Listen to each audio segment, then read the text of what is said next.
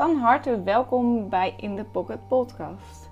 Ik ben Amber van Nes en ik neem je heel graag mee in mijn zoektocht naar het waarborgen van de fysieke, emotionele en mentale gezondheid van jouw turners. Wat zijn de huidige wetenschappelijke onderzoeken? Welke methodieken zijn verouderd? Wat is nieuw? Niet de stoffige cijfers of het wetenschappelijke geneuzel, maar praktische oefeningen die je direct in je training kan gebruiken. Trainingsleer, sportpsychologie, pedagogisch leerklimaat. Jij kunt meekijken achter de schermen. Welkom bij In the Pocket Podcast en heel veel luisterplezier.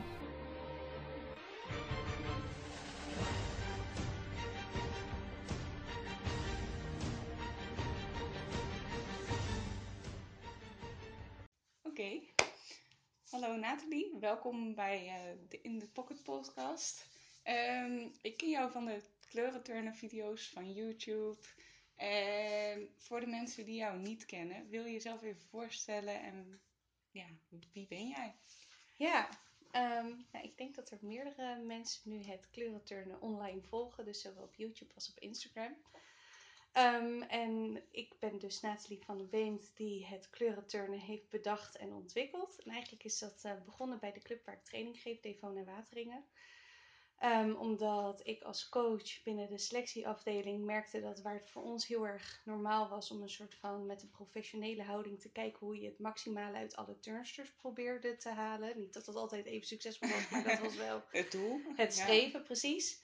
Merkte ik dat er bij de recreatieve afdeling van Nevona eigenlijk heel weinig handvatten waren voor het trainersteam, maar dus ook voor de kinderen zelf om die stapjes te maken en toch het te hebben over de echte turntrucjes. Ja. Want ik denk dat dat wel is um, waarvoor je op turnen gaat. Of je dan uh, aanleg hebt voor de sport, goed bent, misschien niet zo goed bent.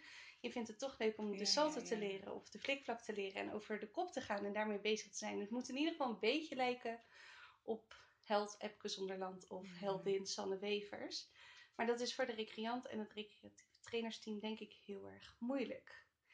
En um, ja, daar ben ik me over gaan buigen. Wat past dan bij het trainersteam? Wat zijn de behoeften van de recreanten zelf? Um, hoe wil je de ontwikkeling stimuleren? Wat zijn dan um, daarvoor de benodigdheden? En hoe moet zo'n leerlijn er dan uitkomen te zien? En dat is eigenlijk het kleurenturnen geworden.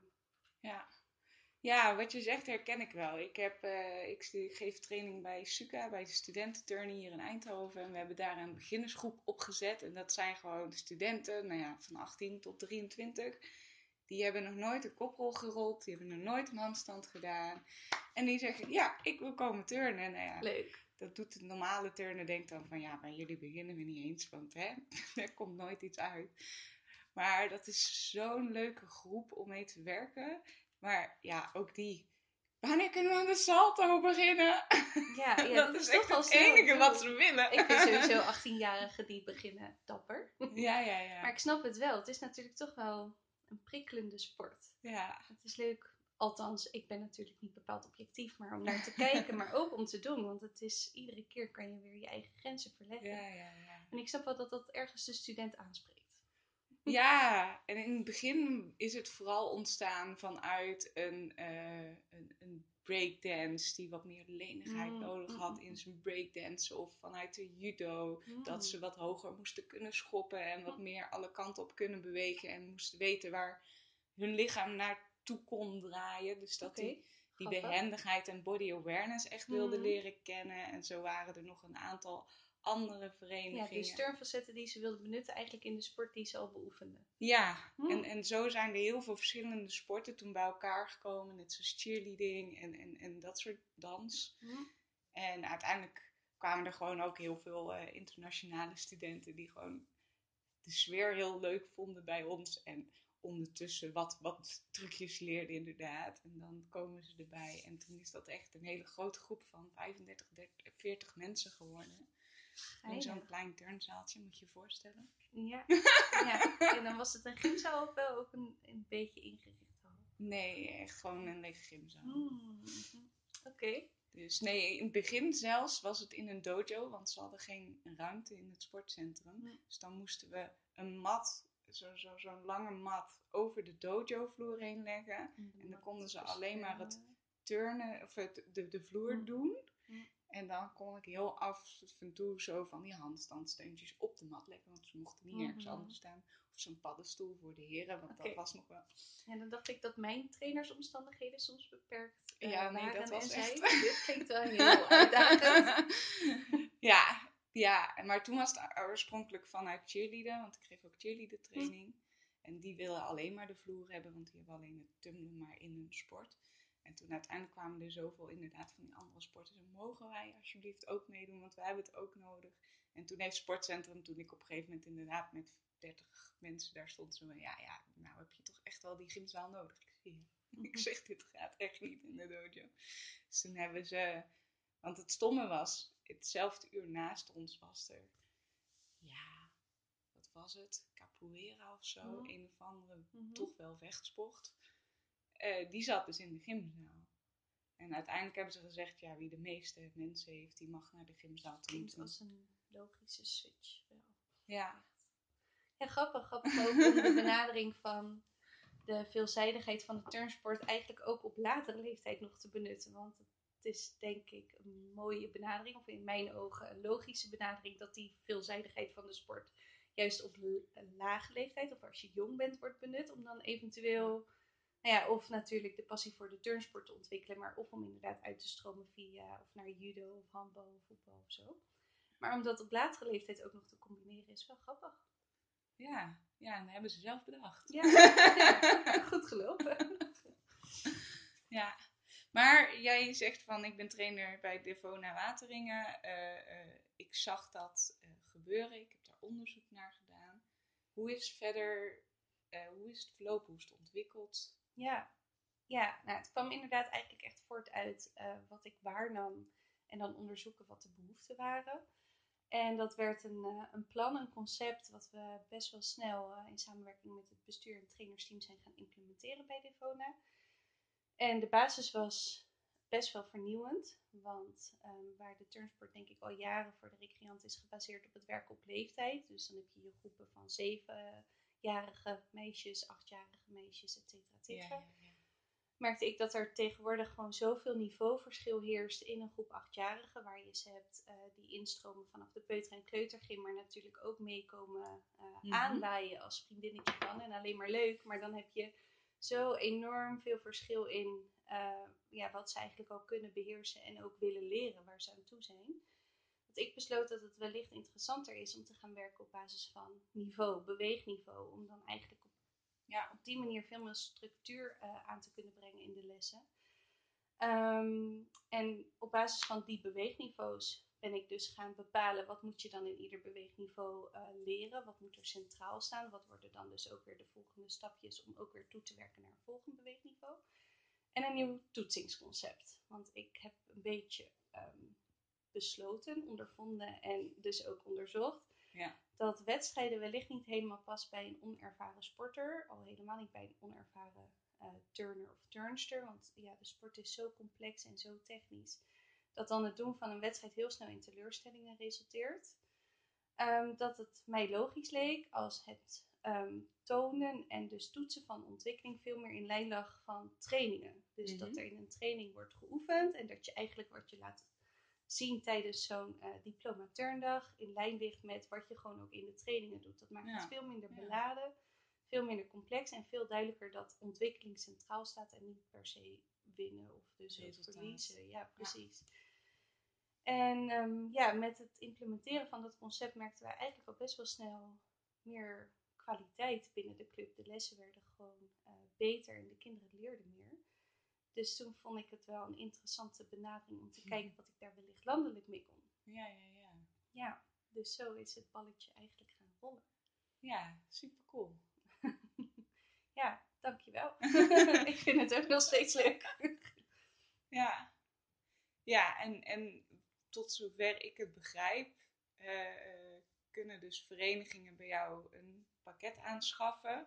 En dan eh, krijgen zij dus die leerlijnen en de video's die daarbij horen naar hun vereniging gestuurd. En dan kunnen zij dat eh, gaan doen. Ja, ja precies. Ja, je past de leerlijn eigenlijk toe in je trainingen. je gaat als club werken volgens dan wel ook die beweegniveauvisie. Want dat is denk ik wel wat het kleurenturnen kenmerkt. Uh, de houvast biedt voor het trainersteam. En wat ik heb geprobeerd is dat het dan niet super theoretisch is. Niet dat het niet theoretisch is, maar om het vooral heel erg beeldend te maken. Dus om het uh, ja. Uh, ja, prikkelend te maken voor het trainersteam, maar eigenlijk daarmee indirect ook voor de kinderen. En er zit ook nog wel, denk ik, um, ja, een stukje mm, in wat van belang is binnen het kleurenturn, is dat het heel erg gericht is op methodisch leren. Um, omdat ik geloof dat het voor de recreant best wel heel erg complex is als je het hebt over een aanloop, een voorhub, een arabier, een kaats en je wil zelfs nog naar een flikvlak toe gaan bouwen. Terwijl het voor de recreant al veel sneller haalbaar wordt als je het hebt over een arabier kaats met een uh, stille startpositie. Dus bijvoorbeeld van een blok af of uh, met behulp van een trampoline. En uh, door de beweging eigenlijk een beetje op te schonen, kan je sneller toewerken naar die trucjes waar ik het net al over had. En misschien dus ook alweer eenvoudiger uitbouwen. En buiten dat het dan denk ik al wat laagdrempeliger wordt, is het ook gewoon veel veiliger en prettiger ja. voor het lichaam. Uh, en dat stukje methodisch uh, leren, ja, op eigenlijk veilige manier met oog voor soft turnen. En dan met het benutten van de mogelijkheden van de gymzaal. Want dat ja, is toch wel hoe clubs veel moeten werken in Nederland is denk ik ook wel een kracht van het kleurenturnen. Ja. ja, daar loop ik heel vaak mee tegenaan. Ik doe nu uh, de K6 3 Plus variant. Mm -hmm. uh, dat je bij die uh, talenttrainingen mee mag kijken. En dan ga ik naar Den Bosch, naar de Flikvlakhal. En dan zegt ze, ja, en dan moet je even het dipblok hier neerzetten ja. en dat daar. En dan zit ik echt zo te kijken, ja, heb ik niet hoor. Niet, ja. en dan zeggen ze wel heel mooi van, ja, probeer het dan op die en die en die manier. En dan denk ik, het is mm. zo behelpen. En dan denk ik, ja, hoe jij dit even in vijf minuten neerzet, daar ben ik al twintig minuten bezig om dat überhaupt enigszins in dezelfde setting te kunnen neerzetten. Mm. En dan heb ik nog tien minuten voor die turnstutjes om eroverheen te gaan. Ja. Nou ja, turnstutjes bij mij zijn turners, maar... ik snap het, ja. En dan denk ik, ja, het is, het is leuk dat jullie, dat jullie zoveel van die mogelijkheden hebben en dat jullie zo'n zaal zo inrichten ja. dat het voor jullie inderdaad de best werkbare methode is. Maar dat soft turnen voor mij is gewoon best wel lastig om dat in te implementeren. Ja, dat snap ik. Ja, ik denk dat de trainer die werkzaam is in een gymzaal tegen hele andere dingen aanloopt dan de trainer die mag werken in een turnzaal. Ja. En toch wil je wel je les zo efficiënt mogelijk inrichten. En als opbouwen een onderdeel is van een lesuur van 60 dus minuten in totaal, Um, ja, dan zijn dat denk ik voor de trainer in de gymzaal heel veel afwegingen die dan alleen al rondom het opbouwen moeten worden gemaakt. Want anders ja. zit het gewoon de leskwaliteit in dat opzicht alweer in de weg. Ja, ja. ja. ja, en ik geef ook in een uh, turnhal les. Of ja, maar ook daar, je mag van de gemeente mag je niks van die softblokken nergens kwijt. Je mag dit niet, je mag dat niet. Dus daar zit je ook heel erg vast aan al die mm. regeltjes. En Ja, is dat omdat ze dan met de gymlessen uh, er ook gebruik van moeten kunnen maken? Uh, ik, ik, weet niet helemaal waarom. Ik weet in ieder okay. geval dat we al die, al die losse matrassen van, van zolders en zo, die hebben we allemaal gehad in de turnzaal. En op een gegeven moment heeft de gemeente ze allemaal meegenomen. Zo van ja, die mogen hier niet hm. gebruikt worden. En okay. waarschijnlijk omdat het dan niet goedgekeurd is Precies. door een Jansen en Fritsen en niet gecertificeerd is of qua kwaliteit ergens mm. ligt. Ja. Dat je dit Nee, herkenbaar hoor. Dat hadden wij ook in de gymzaal, omdat de uh, vakdocent vanuit de school van de gymzaal waar wij trainen. Um, eigenlijk niet wist hoe je die matrasjes dan moest gebruiken. Die zei ja, maar je kan toch niet landen op een matrasje als je matrasje nee, op de nee, grond nee. Nee. Uh, nee, dat klopt. zo is het niet bedoeld. En zo hebben we zoveel uh, strijd gehad over methodisch materiaal, omdat hij eigenlijk de functie daar niet van begreep. Ja, ja, ja, en ik kan me voorstellen dat als gemeentes de zalen inrichten, dat je daar ook tegenaan loopt. Ja. terwijl het juist bedoeld is voor veiligheid. Ja. Um, nog even terug, want jij zei van oké, okay, maar stel een vereniging implementeert het kleurenturnen, dan gaan we dus werken op basis van beweegniveaus. Hoe ziet dat voor een vereniging eruit? Moeten ze dan ineens alle groepen die ze hebben op een hoopje gooien? Uh, op één dag één grote circus van maken en dan zeggen: Oké, okay, nou, dit groepje, die, die, die en die, van daar naartoe. En het mm. helemaal herindelen? Uh, ja, ik snap je vraag. en ik snap ook jouw uh, vertaalslag naar hoe vertaal je dat dan dus naar de praktijk.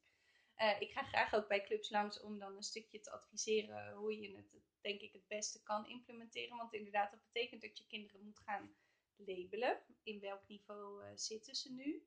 Ehm, en dat vraagt ook een stukje al kennis van hoe de methodische leerlijn er dan uitziet. Want dan moet je tenslotte toch een beetje weten wat de oefenstof is en waar Ja. het naartoe eh, gaat. Ehm, en ik merk dat heel veel clubs dat op verschillende manieren benaderen. Er zijn inderdaad clubs die eh, eh, doen vooraf een soort van diploma turndag om te kijken ehm, hoe de leden ervoor staan en wat dan het best passende plekje is. Want dat is uiteindelijk waar het dan om gaat. Maar er zijn ook heel veel clubs en ik denk dat dat een ehm, prettige eh, benadering is. Die gaan al eerst gewoon aan de slag met de vormpjes en de trainingen. Krijgen een beetje feeling met hoe eh, een beweegniveau is opgebouwd en wat er dan in een beweegniveau wordt gevraagd. Zodat ze vanuit daar steeds beter weten in welk niveau een kind het beste zou passen. En daarvoor geldt dan ook nog, want dat moeten dan trainers ook weer afwegen. Ehm, ze zal niet overal goed in zijn. Dus ehm, ja, het kleurenturnen is gebaseerd op beweegthema's in plaats van op de vier toestellen. Dus het is niet meer sprongbrug, Mm. balk, vloer of de zes heren toestellen trouwens. Maar bijvoorbeeld het thema springen of het thema steunen of het Ja, thema ja. balanceren of het thema duikelen, het thema zwaaien. Ehm, en misschien is de turnster niet heel erg goed in springen of juist niet zo goed in duikelen en zwaaien. Maar dat is niet een reden om dan altijd maar laag te blijven inschalen. Want je wil nog steeds uitgedaagd worden, Ja. precies, en stapjes te kunnen maken. Dus dat zijn allerlei afwegingen waar ja, het trainersteam toch wel een beetje eh, handig en wegwijs in moet worden, een beetje feeling voor moet krijgen. En eigenlijk leert dan de ervaring, en dat durf ik nu na de afgelopen twee jaar ook wel te zeggen, dat ehm, in een beweegniveau gemiddeld ongeveer drie jaar eh, afwijking is. Want je begint toch gemiddeld gezien met sporten op zes, zevenjarige leeftijd. Ja. En dan doorloop je een beweegniveau per seizoen. Dus bijvoorbeeld in beweegniveau groen zit er ongeveer drie jaar leeftijdsverschil in. En dat betekent eigenlijk dat het al best wel snel eenvoudig ook te vertalen is naar een lesrooster. Want Ja. je kan dan dus ook drie kleuren opnemen bestaand lesuur. Dus op die manier hoeft niet de hele boel te worden omgegooid, want daar zitten clubs ook niet echt op te wachten.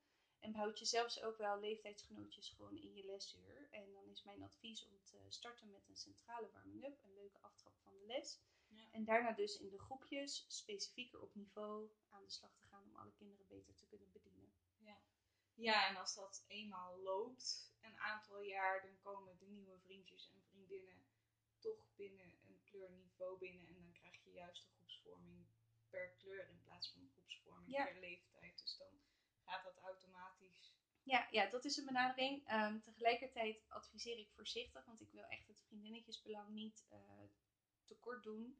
Zeker Ja. voor de recreant is dat gewoon heel erg belangrijk. Je kiest eh, ja, voor de sport omdat de sport leuk is, maar het sociale gedeelte en die gezelligheidsfactor is gewoon, denk ik, bijna, bijna even belangrijk. Waarvoor de wedstrijdsporten natuurlijk de sport alweer eh, iets hoger staat ten opzichte van het sociale aspect. Ehm, maar het idee is wel dat het een beetje trapsgewijs is ingericht. Dus het biedt ook wel heel veel voordelen als kinderen starten in paars. Ehm, beweegniveau 0 om dan een beetje te voelen en ervaren hoe een turnles eruit ziet, hoe er wordt gewerkt. Ja, ja. Wat bedoelt de Trainer. nou eigenlijk als we het hebben over een circuitje met eh, steunvormpjes zoals een ratslag en een Arabier waarvan de recreant gerust in eerste instantie nog het verschil niet kent. Nee. En ehm, ja, dus eigenlijk om mee te geven hoe een training werkt, maar ook eh, wat dan de basisprincipes zijn in een turntraining. Ja. En in dat niveau zit ook bijvoorbeeld de voorhub. Want ik merk inderdaad dat bij mij, bij die, bij die beginnende studenten, die kunnen die ratslag wel, die kunnen die Arabier wel. Maar als ik dan zeg, ja, doe dat nou eens met een, met, met een chassé of met een voorhub ervoor. Dat het, hè? Maar dat snap ik helemaal niet. En dan moet je echt gewoon bijna een kwartier of zo, of tien minuten uitleggen. En dan gewoon gaan zeggen, begin maar op twee benen. We gaan eerst Stap, hinkelen stap. naar Ja, één precies. been. Mhm. En je moet je been niet naar achter, maar naar voren houden. En dan moet je die neerzetten en kan je opzwaaien. Mhm. Nou, voordat dat een keer gaat klikken, dat duurt altijd heel lang. En dan denk ik, ja, voor mij is dat zo vanzelfsprekend om een voorhub te doen. Dat, daar denk ik überhaupt niet over na. En dan kom je Ja. met zo'n groep en vinden we echt heel lastig, ja. Ja, ik denk wat dat betreft dat de, de 18-jarige beginneling vergelijkbaar is met de 8-jarige beginneling. Want het is zo complex. Ja, En dan denk ik dat die achtjarige veel sneller leert dan die Dat denk ik- 18-jarige. dat want denk ik ook. Die, die kent angsten. Die weet dat een balk heel hoog is of een, iets Mhm. anders. Die weet dat ze misschien wel iets breken als ze het niet Ja, goed doen. Die overzien de risico's. Dat Ja. wel. Mhm. Ja. Nee, ja, dat is inderdaad weer een hele nieuwe doelgroep binnen de transport. Heb ik nog geen ervaring mee. Oh, dat maakt het niet uit. Ja. Ja, maar inderdaad, het idee is dat je dan ehm, eh, met die beweegthema's de, ja, eigenlijk de fundering van de sport meegeeft. En dan ehm, ja, op een technische manier probeert op te bouwen, waarbij steunen onderdeel wordt van die radslag Arabier, maar er ook al wel voorvariaties worden aangeboden, zodat je er een totaalbeweging van kan gaan maken. Ja, ja, ja. Ja. ja, ik vind het wel heel mooi. Ik ben namelijk heel erg geïntrigeerd door een onderzoek van een Amerikaan. Sorry, ik weet niet wie, eh, wie het was. Ik, ehm, maar die heeft dus onderzoek gedaan naar de impact van de kaats bij Mhm. Arabier flikvlak. Hm. Eh, En dan de kaats tussen de Arabier en de flikvlak of de eindkaats? Nee, tussen de Arabier en de flikvlak. Dus Arabier kaatsflikvlak. Ja. En het onderzoek duidde dat per knie het 14 keer je lichaamsgewicht is die Mm. je knieën moeten verduren om daarna die flikvlak Mm, of die salto te maken. Ja. En dan denk ik, oké, dat is alleen nog maar een Arabier flikvlak. Mm. Dat is voor mij een heel simpel element waarbij het niet veel moeite doet. Terwijl als je inderdaad naar een salto gaat of een schroef erachter moet gaan maken, hoe groot is die impact dan? Ja. En dan denk ik altijd, ja, soms heb ik dus inderdaad ook studenten die hebben heel hun leven geturnd en, en die zijn supergoed. Die komen even drie jaar niet turnen en die denken dan de eerste, oh laat ik even beginnen met een overslag salto. En dan denk ik, nou, stop maar even. Ga eerst maar een paar trainingen kracht doen om überhaupt te zorgen dat je knieën en de rest van je lichaam ook Het aan hebben. Het überhaupt aan kan om zoiets te doen. Ja, En ik heb niet het idee dat heel veel trainers dit weten. Of dat die daar heel erg bij stilstaan. En dat die na, na, na vakantie bijvoorbeeld. Ja, we gaan nu drie keer een wedstrijdoefening doen. En ik denk, nou ja, ze hebben één of twee weken kerstvakantie nu. Mm. Laten we eerst maar even één trainingje weer kracht doen. Of een week weer kracht doen. Om vervolgens ja. daarin door te gaan. Ja, nee, ja, daar kan ik me wel heel vinden. Nou wist ik de cijfers niet en eh, de omschrijving van zo'n impact. Ik kan me er iets bij voorstellen, maar het onderzoek ken ik niet. Dus mag je zeker nog een keertje doorsturen. Ja, ik zal Maar het in de show notes ook zetten. Leuk. Ja, nee, ik geloof eigenlijk dat het idee van het creëren van een fysieke fundering voor alle niveaus heel erg belangrijk is. Dus voor de recreant klinkt het een beetje gek van eh, we gaan kracht doen of eh, we Ja. hebben een focus op de basis vandaag. Want zowel kracht als basis klinkt niet super sprankelend, Nee. boeiend, interessant. Nee, dat is niet waar de turnster Nee, eigenlijk nee, voor zeker komt. niet. En tegelijkertijd is het super belangrijk om überhaupt een fysieke basis te hebben om ergens naartoe te kunnen werken, op voor te kunnen bouwen en ook weer nieuwe dingen te kunnen leren. Om blessures te voorkomen en om het allemaal veilig te houden. En ik denk dat ehm, het belangrijk is voor, eh, ja, dan noem ik het toch gewoon voor het gemak, de recreant, dat het wordt opgenomen op een slimme, gevarieerde manier in een training. Want je kan buikspieren op, nou ja, honderdduizenden Ja. manieren doen. Maar al moeten ze eh, in een warming-up alleen crunches doen, is dat een soort van saaier, droger en gevoelsmatiger, dus letterlijker kracht dan als het wordt opgenomen in een brugcircuitje. Ja. Want dan zijn ze veel meer bezig met het brugturnen, Ja. met vormpjes eromheen, werken ze alsnog aan die core en die eh, stabiliteit en die buikspieren en die krachtopbouw, zonder dat ze dat heel erg meekrijgen. En ik denk dat dat voor de recreant een hele slimme benadering is. Ja. ja, maar daar ben ik het helemaal mee eens. En je verstopt het eigenlijk in de oefeningen die je toch met die kinderen wil doen. Mhm. En ze zijn met turnen bezig. Ja, ja, nou, Ja. ja, precies. Een beetje het idee van verstoppen, dat je het ze toch meegeeft zonder dat je zegt, jongens, we gaan nu een krachtcircuitje doen. Terwijl misschien is je brugrondje, je brugcircuitje, wel bijna al een krachtcircuitje. Omdat het gewoon basisvormpjes en basishoudingen en eh, ja, dynamische en statische variaties vraagt. En ben je dus eigenlijk alsnog met een brugkrachtrondje bezig. Ja. En wat ik denk ik ook wel mm, ja, belangrijk vind voor de recreant is dat ehm, waar heus de salto een soort van einddroomdoel is, ja. of de flikvlak misschien wel een nog mooier einddroomdoel is, dat ook tussenstapjes worden beloond en worden gezien als doelen. Ja. Dus dat ze leren eh, dat een opbouw van belang is en dat ook een, een eh, stapje ervoor die nog niet een salto tot stand is, al kan worden beloond. En in mijn kleurenturnen is dat dan dus bijvoorbeeld met een sticker. Ja, leuk. Ik ga heel veel onderbreken en dan gaan we die even aan en uitzetten. Dat is goed. Oh, ook alweer. Ik weet dat niet meer waar we waren. Eh, nou ja, je, je vertelde dat het dus mooi was om eh, een brugcircuitje te maken en daarin de, de basisvormpjes te doen. Wat ik je hoor noemen is inderdaad, je hebt het statische en het dynamische. En wat mij daarbij triggert is bij een warming-up probeer ik inderdaad dat ze een, een beweging tegen kunnen houden, kunnen stoppen vanuit bijvoorbeeld een buikspier of maar ook vanuit de armen of de Mhm. benen. Maar dat ze ook vanuit stilstand een beweging kunnen veroorzaken. Dus tijdens je warming-up wil je inderdaad die twee varianten, Mhm. wil je er ook in hebben. En als je inderdaad zo'n circuitje maakt, je zegt ik doe het statisch en dynamisch. Dat is dus één vanuit stilstand en één vanuit ik ga een beweging veroorzaken. Dat vind ik ook wel eh, heel, heel slim om dat erin te doen. Ja, ik, ja, ik geloof wel een beetje dat, ehm, dat de turnsport sport zich leent om super gevarieerd te werken. En dat dat dan ook juist een hele interessante benadering is om eh, de turnster of turner mentaal en fysiek te blijven prikkelen. Want ik denk dat de, de handstand super belangrijk is in de sport. Maar om op honderd manieren steeds eh, de handstand eigenlijk te vragen in een nou ja, statische vorm. Ehm, ja, wordt een beetje de vraag in hoeverre wordt dan de turnster nog steeds uit, uitgedaagd en geprikkeld om te verbeteren. Terwijl die handstand kan je ook op honderd verschillende manieren vragen. Ja, ja, ja. In instabiele, in statische en in dynamische vorm. En ik denk dat dat is wat interessant is voor een trainer om ja, een beetje mee te spelen. Ja. ja, ja, ja. Maar ik hoor ook heel vaak van trainers terug van oké, wij willen iets meer eh, oefeningen weten voor inderdaad de dingen in de, in de training. En ik merk ook heel vaak dat als je bij sommige trainers langs gaat en dan vraag je dat, dat ze bijvoorbeeld zeggen van ja, ik heb nou al twintig keer gezegd dat ze daar in die oefenvorm hun armen moeten strekken of armen moeten spannen.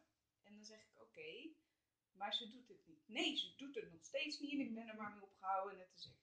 Ik zeg, Mm. oké, maar begrijpt ze dan wat je ermee bedoelt? En ja, nou, ik heb het toch uitgelegd. En dan denk ik, ja, oké, je hebt het uitgelegd. Ik zeg, maar heb je ook wel eens op die balk gestaan en gewoon die armpjes een keer naar voren of naar achter gedrukt?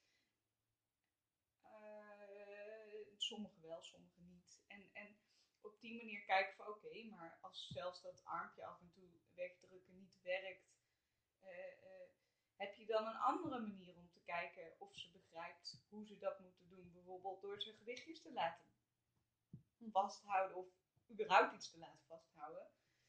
Eh, eh, en, en daar wat meer creatieve oplossingen voor vinden dan alleen te zeggen van nou, zij snapt het niet, dus ze is dom, dus ik heb mijn werk gedaan. Dan denk ik nee, pak als trainer die verantwoordelijkheid Ja. en, en, en word eigenaar van dat probleem en ga gewoon net zo lang kijken Ja. iets met die turnster aan de slag voor, zodat je zeker weet dat ze het snappen. Ja, nee, ja, mee eens. Ik denk inderdaad dat er ehm, dat de val, een, een, valkuil in het trainerschap is dat je heel snel de schuld bij de turnster legt. Ja. Of turner, ja, ik ben gewend om turnster te zeggen. Ik ook. Terwijl het heel erg interessant kan zijn om te achterhalen waarom ze het niet snapt, niet doet, niet begrijpt, niet toepast. Of in ieder geval waarom ze klem loopt en niet doet wat je graag wil dat ze doet. Ja. En dat kan denk ik heel veel verschillende redenen hebben, want ehm, het opmerken span je armen is hetzelfde complexe, denk ik, benadering als ehm, ontspan nou eens. Want hoe ontspan je of hoe span je? Je moet ook dan weten wat je moet doen en eh, wat het gevoel is en wat de verschillen zijn. En ehm, ik, ja, ik denk dat heel veel trainers heel snel eh, ook roepen het is slap, maar wat is dan strak en waarom is het dan niet strak? Want strak werken is heus het streven, maar misschien is er gewoon nog niet genoeg eh, kracht. Een Ja. borstwartsel met strakke benen is veel zwaarder dan een borstwartsel met slappe benen. Ja. Of een borstwartsel met een holle borst is veel eh, minder fysieke benadering dan een borstwartsel met een strakke borst. Dus strak turnen vraagt ook eigenlijk wel een, eh, om die fysieke fundering. Ja, ja, ja. En dan moet je dus ook nog vervolgens als sporter weten wat dan precies strak en spannen is. Want dat klinkt eigenlijk heel abstract. Wat, wat is dat dan? Ja, en, en wij als trainers nemen gewoon aan dat zo'n kind dat snapt. Maar dat is 9 van de 10 keer niet zo. Je moet het eerst laten voelen en je moet ze eerst inderdaad een paar, een paar honderd keer door een aantal van die oefenvormpjes heen. Totdat ze denken, oh maar wacht eens even. Mhm. Ja. Dit Ja. is het. Ja, nee, mee eens. Ja, en ik denk dat het heel erg lastig natuurlijk is voor een trainer als je werkt met een groep van 20. Ja. Om dan zo'n super individuele focus te hebben. Maar goed, het kan wel een beetje in het streven zijn. En als je in ieder geval eh, af en toe de tijd neemt om te achterhalen waarom iets niet lukt. Of waarom een turnster vastloopt met een bepaald eh, aspect. Om daar dan even in te duiken. En dat weet ik nog van Frank Louter. Daar heb ik het ook wel echt wel over, denk ik, een jaar of tien geleden bij een districtstraining in Zoetermeer. Ehm, werd de districtstraining geopend met een stukje theorie door Frank Louter. En die zei ook, ja, een turnster moet je eigenlijk eh, kunnen klassificeren in een turnster die gevoelig is voor het laten voelen. Dus die moet je even goed zetten. Of Ja. die moet je als coach nou ja, laten voelen wat het lichaam wel of niet goed doet. Of je geeft een turnster een visueel voorbeeld. Want die krijgt dan dus met de visuele prikkels genoeg aanwijzingen om het zelf toe te passen. Of een turnster heeft genoeg aan verbale communicatie. Dus die snapt wat je bedoelt. En die gaat op die manier eh, de beweging proberen te optimaliseren. Of te doen wat je dan dus vraagt. Of juist te werken met meer impliciete instructies. Dat er eigenlijk juist minder over na wordt gedacht. Maar dat gewoon duidelijk is waar er op gefocust moet worden. Omdat ze daar de handen neer moet zetten en daar dat been naartoe moet brengen. En eh, op die manier achterhalen wat voor type turnster het is, kan ook nog wel heel interessant zijn. Maar goed, tegelijkertijd, dat geldt natuurlijk even goed in het onderwijs, ehm, je moet er wel ook tijd voor hebben. Ja, ja, ja, ja, ja. Ja, maar heel vaak is het zo dat je een, een normaal verdeling uit de statistieken hebt. Waarbij je ongeveer 95% doet het op de aanwijzingen en de training die je geeft. Eh, het 2,5% is uitermate goed en 2,5% kan gewoon helemaal niks met wat jij uitlegt. Ja.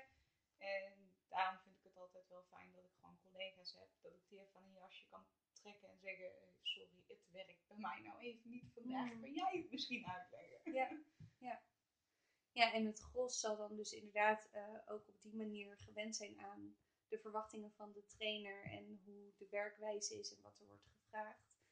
En die uitzonderingsgevallen zijn, eh, nou ja, lastig en leuk, denk ik, tegelijk. En wat trainers ook zich, denk ik, wel moeten realiseren, is dat wat in het verleden een soort van succesformule was, hoeft niet per se voor de Nee. nieuwe lichting, Nee. waar je mee werkt, ehm, ook te gelden. Nee. En daarnaast vind ik dat turnen zo ontzettend snel groeit. En, en we hebben die Olympische cyclus van vier jaar waar elke keer veranderingen in komen. En ja, het turnen wordt steeds slimmer. Net zoals nu met kleurenturnen, dat je gewoon een aantal stappen hebt waarvan je gewoon heel makkelijk, als die fundering staat, heel makkelijk kan groeien en heel snel kan groeien. En je ziet nou gewoon, nou ja, we hebben het er net gehad over toen wij zelf turnen ja, wat, wat toen voor mijn niveau echt heel goed was, dat is nu een recreatieniveau. Nou ja, een, een selectieniveau. Ja, nee, ik divisie snap je punt. 4, 5. Maar Mhm. het is niet dat, die, dat, dat ik in mijn niveau toen nu naar een eredivisie zou kunnen gaan doorgroeien.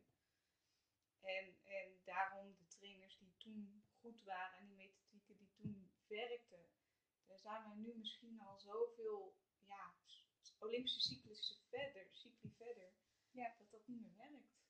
Nee, ik denk inderdaad ook dat turnsport, en gelukkig ook maar, wel redelijk ontwikkeld weer is in de afgelopen decennia. Ja. Ja, nee, dat, dat denk ik ook. En ik zie ook wel eh, eh, verschuivingen. En ehm, ja, ik denk dat dat ook wel goed is, want de turnsport is van origine denk ik best wel traditioneel. Net zoals Ja. dat de, de Pegasus heel lang ehm, zich eerst moet bewijzen eh, om het paard überhaupt te mogen vervangen. Terwijl het inderdaad wel ehm, belangrijk werd dat er ook vanuit veiligheidsoogpunt werd Ja. gekeken naar ehm, een, een alternatief voor het paard. En dat, ja, dat heeft niet voor niets decennia ook geduurd voordat dat dan eenmaal werd geïmplementeerd. En ik denk dat ehm, ja, het hele eh jureringssysteem van de turnsport, ook al is het wel vernieuwd in de afgelopen jaren, ja, het staat soms toch nog best wel een beetje stil. Ik denk dat waar trainers en eh, methodische leerlijnen nu sneller gaan in Ja, de ja, ja. zalen, eh, nog niet altijd wordt meegenomen naar wedstrijden. Nee. nee, maar een goed voorbeeld daarvoor is bijvoorbeeld de squat. Wat ze nu in de, de jurysport nog steeds willen zien, is dat die squat niet naar die 90 graden mag, omdat je dan drie tiende aftrek krijgt, omdat die te diep is. Mm, ja. En dat je bijna met je enkels en je knieën naast elkaar moet landen, want anders ziet het er niet uit. Terwijl als je anatomisch of biomechanisch naar het lichaam kijkt, dan is het veel veiliger om op heupbreedte te landen. Om inderdaad wel naar die diepe squat. Hij hoeft niet naar 90 graden aan zich, maar in ieder geval wel naar die drie tiende aftrek die je er nu voor krijgt. Ja, het is raar als je daarvoor wordt bestraft. Ja, terwijl het in mijn ogen een veiligheid is. Want er is daar ook onderzoek naar gedaan dat 9 van de 10 turnsters nu eh, met, hun, met een rechte rug landen. Dus met hun bekken naar achter gekanteld. Waardoor je eigenlijk heel die landing op je ruggenmerg krijgt. Mm. Een klap. Mm. In plaats van dat je hem echt met je benen op kan vangen. Waarbij je een neutrale houding in je rug Ja. Kan hebben. Ja, Ja, en dan, dan moet denk je in de ik- benen ook wel de ruimte hebben om mee te kunnen veren. Ja, en dan Ja. denk ik, waarom doen ze vanuit het VIG, vanuit dat, ja, die Olympische cycli, daar niet wat meer aandacht aan besteden? En nou heb ik wel geruchten gehoord dat ze daarmee bezig zijn, gelukkig. Maar ik denk dat dat nog wel, hè, want eerst moet dat dan door de Olympische cyclus, daarna moet het door de nationale eredivisies heen, daarna komt het door de selecties heen. En dan daarna misschien over tien jaar een keer bij de re- recreatie. Ja. Eigenlijk gaat dat te langzaam. Ja, mee eens. Ja, ja het, is, het is wat dat betreft ook een enorm bureaucratische sport. Ja, nee, mee eens. Ja, grappig. Mhm. Doen jullie van kleurenturnen of staat het ooit misschien in de planning om eh, die bijscholingsworkshops voor trainers, om, om daar eens iets mee te doen? Dat je trainers daar ook in kan opleiden?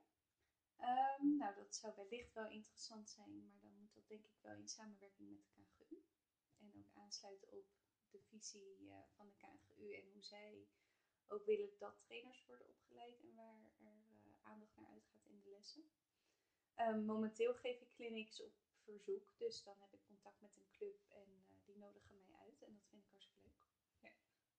Oh, dat is wel cool. Mhm. Ja, ik zit zaterdag eh, in Helmond, dus dan mag ik richting Limburg. Mhm. Ja. En eh, eh, hoe, boeken trainers jou? Ja, ik denk dat ik inmiddels goed vindbaar ben. en dat gaat eh, in dit geval gewoon via de website. Dus dan sturen ze een mailtje of ze hebben interesse in het pakket of ze hebben interesse in een verzorgde clinic. En dan ga ik ook graag overleggen waar ze tegenaan lopen en wat mijn visie dan is om daar in de trainingen mee aan de slag te gaan. Dus dan maak ik echt wel een plan op maat, passend bij wat er eh, aan behoefte bij het trainersteam speelt. Of ze willen een combinatie van beide, dat kan natuurlijk ook. Ja. En wat mailadres? Even plug-in. info.kleurenturnen.nl ja, top. Waar ben jij nog meer te vinden op social media? En, eh, Ja, ik denk dat ik wel bijna alle kanalen bezet. ja. Ehm, ja, als je voor de filmpjes eh, zoekt, want ik denk dat er al heel veel in, in- inspiratie en informatie online te vinden is, dan ehm, zijn het korte filmpjes echter eh, ja, inspiratie voor een bepaald eindelement. Dus dan noem ik dat eigenlijk drills before the skills. Zijn eh, terug te vinden op Instagram. En langere filmpjes, dus dan gaat het echt wel om een lesopbouw en hoe je kan dif- differentiëren of hoe je naar een element kan toewerken vanuit een bepaalde methodische situatie of juist door een beetje slim op te bouwen en te variëren. Ehm, zou ik zeggen, kijk eens op YouTube. En ehm, ja, tegelijkertijd is er ook een nieuwsbrief en ook een Facebookpagina. Ja, ja, ja. En dat we allemaal onder de noemer kleurenturnen. Ja. Dat is wel lekker makkelijk, hè? Dat denk ik ook. Oké, ehm, ja, in oog met de tijd. Zijn er dingen die we nog niet hebben besproken waarvan je zegt van nou, daar wil ik het nog heel graag over hebben? Nee, ja, volgens mij kan je oneindig lang kletsen over Ja, turnen en de mogelijkheden in de sport. ja, ja. ja. Ehm, eh, zijn er nog dingen die jij gaat doen met kleurenturnen binnenkort waarvan je denkt, oh dat is superleuk als eh, mensen dat weten, de luisteraar dit weet? Ehm, nou, ik ben wel bezig om in samenwerking met clubassistent een digitaliseringsslag te maken. Dus dat is denk ik heel erg interessant. Dus daar eh, ja, kunnen we wellicht op terugkomen in 2020. En ehm, ja, ik ben eigenlijk ook wel een beetje aan het bekijken en onderzoeken wat er wellicht internationaal mogelijk is. Dus dan hebben we het misschien wel in 2020 over rainbow gymnastics. Oh, leuk. Oké, dan wil ik jou in ieder geval hartelijk bedanken voor je tijd en voor het leuke gesprek dat we hebben gehad. Ja, ook bedankt. Bedankt voor de uitnodiging. En inderdaad, altijd leuk om van gedachten te wisselen. Yes. Dankjewel voor het luisteren naar In The Pocket podcast. Vond je dit een toffe aflevering? Laat dan een 5 sterren rating voor mij achter op jouw podcastplatform. Dit kan op iTunes, Soundcloud, Spotify of via welk platform je deze podcast ook maar luistert.